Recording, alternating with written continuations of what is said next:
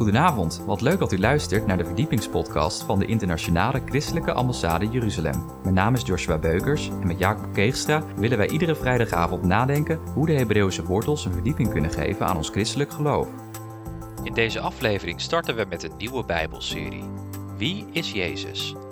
In het eerste deel gaan wij het hebben over Jezus, de Zoon van God. Wij wensen u veel luisterplezier.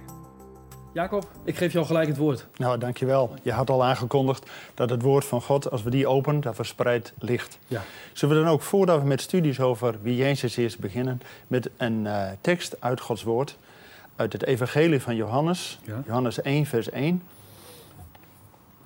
Johannes 1, vers 1.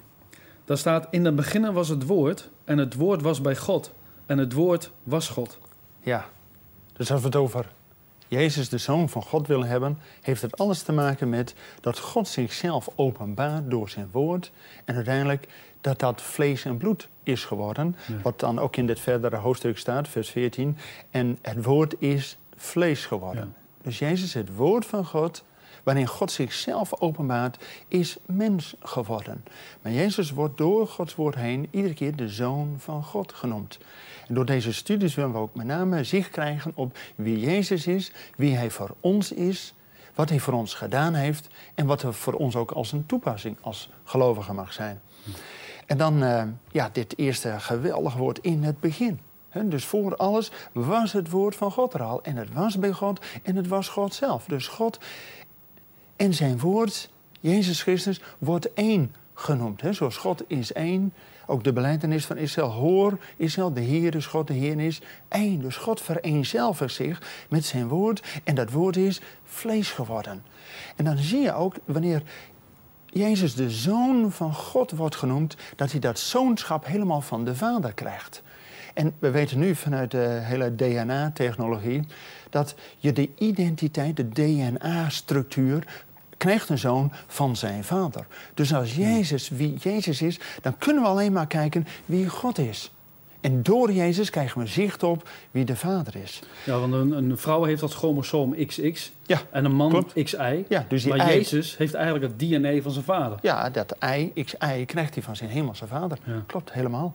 En ehm, ja, dan zien we ook dat ehm, door Gods woord, ook Johannes, hè, ehm, wat Jezus zelf bidt in het hoge priestelijk gebed. Dus echt een climaxgebed, dat hij bidt, dit is het eeuwige leven. Nou, dat verlangen wij toch allemaal, dat wij God kennen en Jezus Christus die Hij gezonden heeft. Dus dat wij door Jezus de Vader leren kennen. Nou, dat is het hoge priestelijk gebed. Dus Jezus biedt voor ons dat we eeuwig leven mogen krijgen doordat we God leren kennen. En God laat zich kennen, dat is het mooie, is dus niet een onbekende God of een verborgen God, maar een God die zich bekend maakt door zijn Zoon, door zijn woord. En eh, ja, daarom is het natuurlijk voor ons ook van belang dat we Gods woord ook daarop kennen. Maar Gods woord zegt, nou laten we zeggen 101 keer, dat Gods woord is krachtig en scheidt van één. Ook al die gedachten die we hebben over, nou, wie zal God zijn? Is dat een of andere geestelijke macht? Of wat dan ook, om persoon? Nee, God maakt zich heel bekend in zijn woord. En dan zegt God in het woord, daar wij dan ook een grote, hoge priester hebben, die de hemelen is doorgegaan, Jezus, de Zoon van God. Dus in Gods woord wordt Jezus uitdrukkelijk met de titel de Zoon van God geïdentificeerd. En dan in Gods woord is het ook, denk ik, goed om ook die tekst te lezen uit Colossensen 1.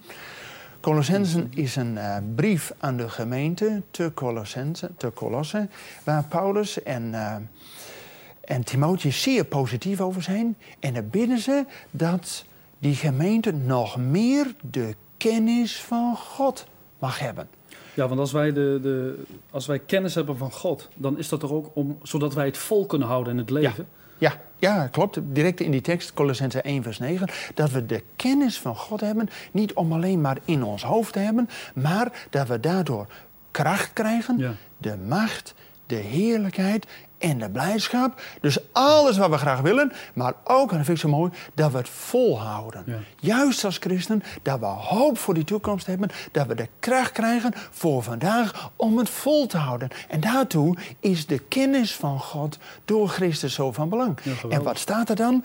Dat, eh, zullen we die tekst lezen? Colossense 1, vers 15. Ja, vers Wie 15. dan Jezus is, Ja, daar staat... Hij is het beeld van de onzichtbare God. De eerstgeborene der ganse schepping. Ja. Maar als eerste, door Jezus leren wij de onzichtbare God kennen. Dus God maakt zich Ja, bekend. want Jezus zegt, als je mij hebt gezien, heb je de Vader gezien. Amen. Ja. En door mij kom je tot de Vader. Dus Jezus wordt hier heel uitdrukkelijk, zwart op wit. Hij is het beeld van die onzichtbare God. Dus door Jezus hebben we zicht op wie God kan zijn. En Jezus geeft ons aan, hij, de eerste is, eh, dat hij de eerstgeborene is van de ganse schepping. Nou, we weten al uit Gods woord dat hij aan de volheid van de tijd is gekomen.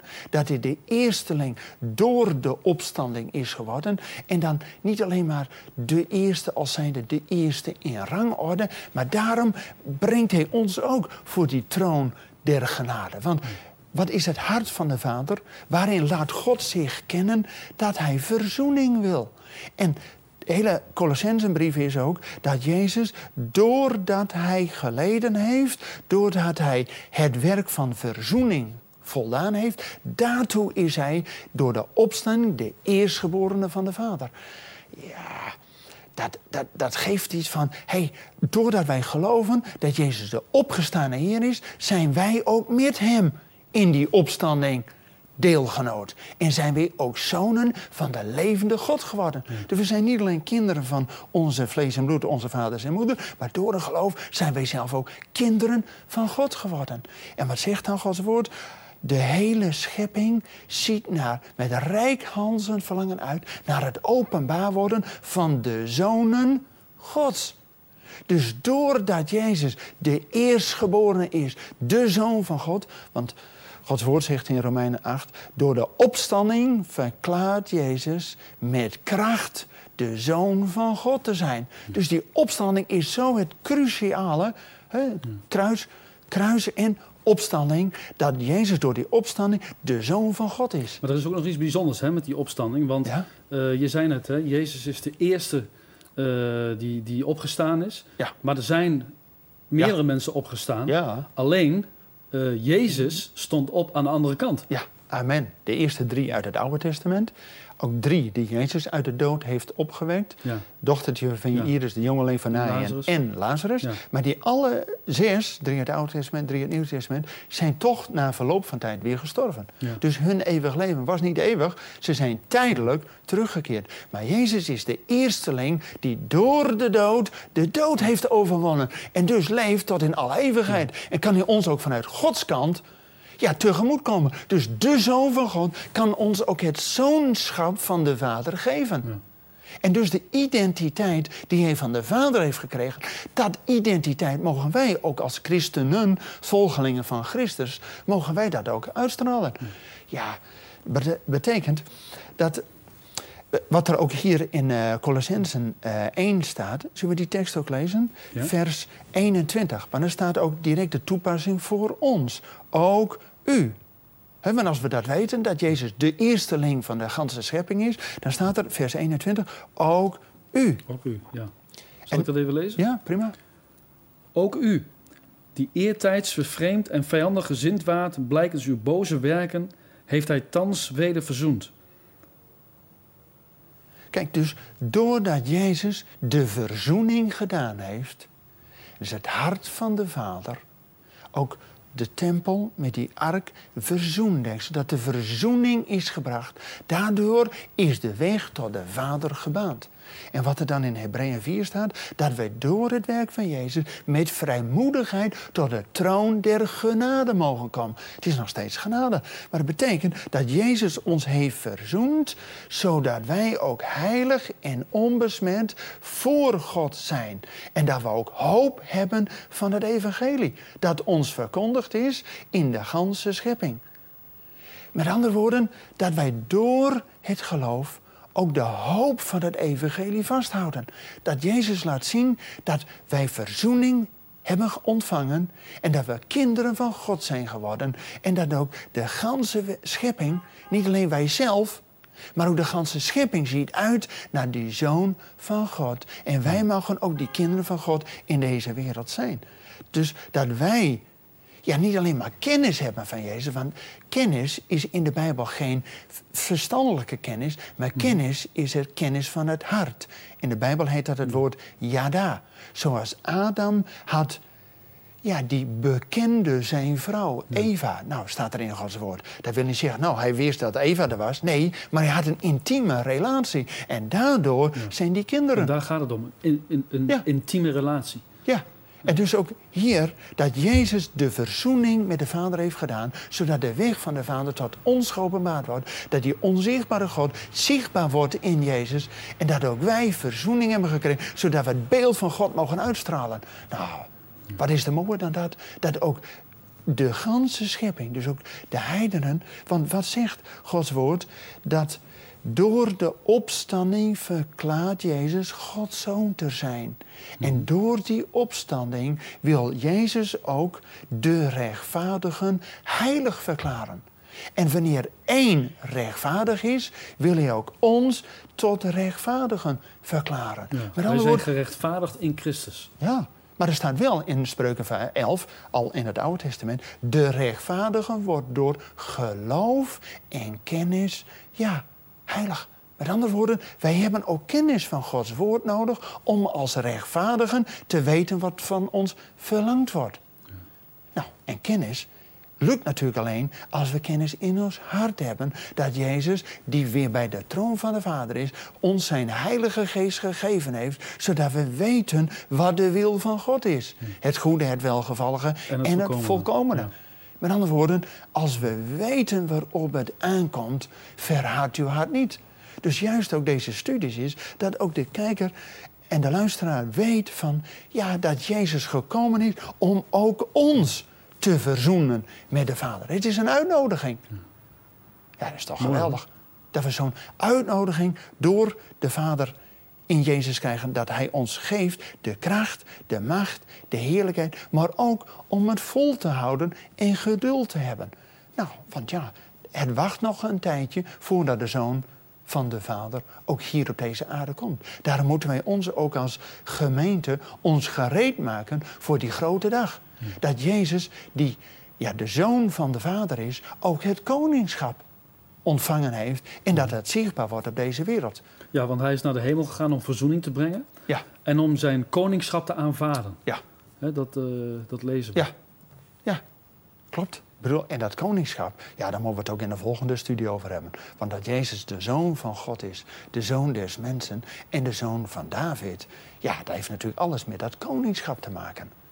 Maar vooral gaat het om dat Jezus dat zoonschap van de Vader heeft gekregen. Dus de hele identiteit, wie Jezus is, wat hij gedaan heeft op deze aarde. Dat hij door zijn handelen was, niet met ja, machtsvertoon. Het was via de weg van de nederigheid, via de zachtmoedigheid, via de weg van het kruis. Maar daardoor heeft God hem ook uitermate verhoogd. Dus wij leren de karaktereigenschappen doordat we het zoonschap van Jezus willen aanvaarden. En als we ook kinderen van Jezus worden, ja, dan zijn we ook deelgenoten van de belofte. En zijn we daardoor kinderen van God. Ja, zit jij in elkaar? Ja, geweldig toch? Ik bedoel, ja, je kunt niet één schakel missen. Want Jezus is gekomen om ons die onzichtbare God, die Mozes al zo graag zou willen zien. En ook de discipelen, die zeiden van, toon ons de Vader. En het is ons genoeg. En Jezus zei, wie mij gezien heeft, heeft de Vader gezien.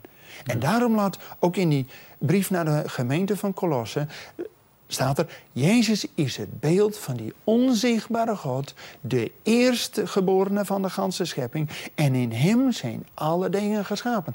Logisch dat Jezus op het eind van de Bijbel openbaring zegt aan die Johannes, die geliefde discipel. Dat Jezus zegt, ik ben de alfa en omega. Hij stond al aan het begin van de schepping. En ook bij de herschepping zal hij er zijn. Maar niet alleen het begin en het eind. Maar hij is ook vandaag met ons. Hij die is, die was en die komt. De Almachtige. En dat kan Jezus natuurlijk alleen maar zeggen. Omdat hij, ik en de Vader zijn één. Wie mij gezien heeft, heeft de Vader gezien. En daarom is dat Jezus naar de aarde kwam om de werken van de Vader te doen en dus de duivel te overwinnen. En hoe deed Jezus dat? Door de kennis en de kracht van Gods woord. Ja, want hij zei ook drie keer, hè, er staat geschreven. Er staat geschreven. Drie keer refereerde hij aan het woord. Jezus deed het niet uit eigen kracht. Hij zei de kracht van het woord. Alleen Jezus is het woord. Ja. Dus Jezus komt helemaal mee als wij ook Gods woord aanhalen, proclameren, zodat zelfs de werken van de duisternis ontmaskerd worden. Jezus zegt ook, hè, niet alleen van brood zal de mens leven, maar van alle woord dat uit de mond Gods gaat. Nou, en wie is het leven? 4. Ja, klopt. Ja. En wie is het levende woord? Dat Jezus in ons hart komt Ja. door zijn woord en door zijn geest. Maar dat betekent dat we natuurlijk Gods woord moeten kouwen en herkauwen en mediteren. Want ook David zegt al in Psalm 27: Ik wil niets anders dan te onderzoeken in uw tempel, in uw huis. Dat we in het Engels staat het zo mooi, to meditate upon your word. Dat we Gods woord ja, lezen, eh, horen, over mediteren. En dan wordt het een kracht Gods tot behoud voor een ieder die gelooft. Ja, en geloven doe je natuurlijk doordat we ook ja, onze wil ondergeschikt maken aan de wil van de Vader. Dan hebben wij vertrouwen, geloof in wie God voor ons wil zijn. En dat deed Jezus ook. Op het uur der waarheid in Gethsemane zei Jezus niet van, nou, dit wil ik niet. Hij zei, niet mijn wil, maar uw wil. Ja. Dus daarin kon hij ook de werken van God doen. En het woord God is krachtig en levend. En hij scheidt van één al die overleggingen. Maar hij is ook zo krachtig dat hij al die werken van de tegenstand overwint. Dus we moeten maar één ding doen als gelovigen. En de rechtvaardige zal uit geloof leven. Dat wij weten waarop het aankomt. Daarom biedt ook Paulus en Timotheus voor die gemeente van Colosse, waar ze zeer positief over zijn, dat ze de kennis van God mogen hebben. En kennis is ja, de liefdesrelatie met God. Zodat we weten wie God is. Ja, dat zo deel van ons is. Daarvan maar één ding doen. Beeld van die levende Heer zijn. Nou, dat is waar we voor zijn als gelovigen. Geweldig. Amen. Bedankt voor het luisteren naar deze verdiepingspodcast van de ICEJ. Waardeert u onze podcast? Steun ons dan met een donatie, abonneer u of deel deze podcast met uw vrienden of familie. Ga naar www.icej.nl. In de volgende aflevering gaan wij verder met deze Bijbelserie Wie is Jezus? We gaan het dan hebben over de Zoon van Mensen.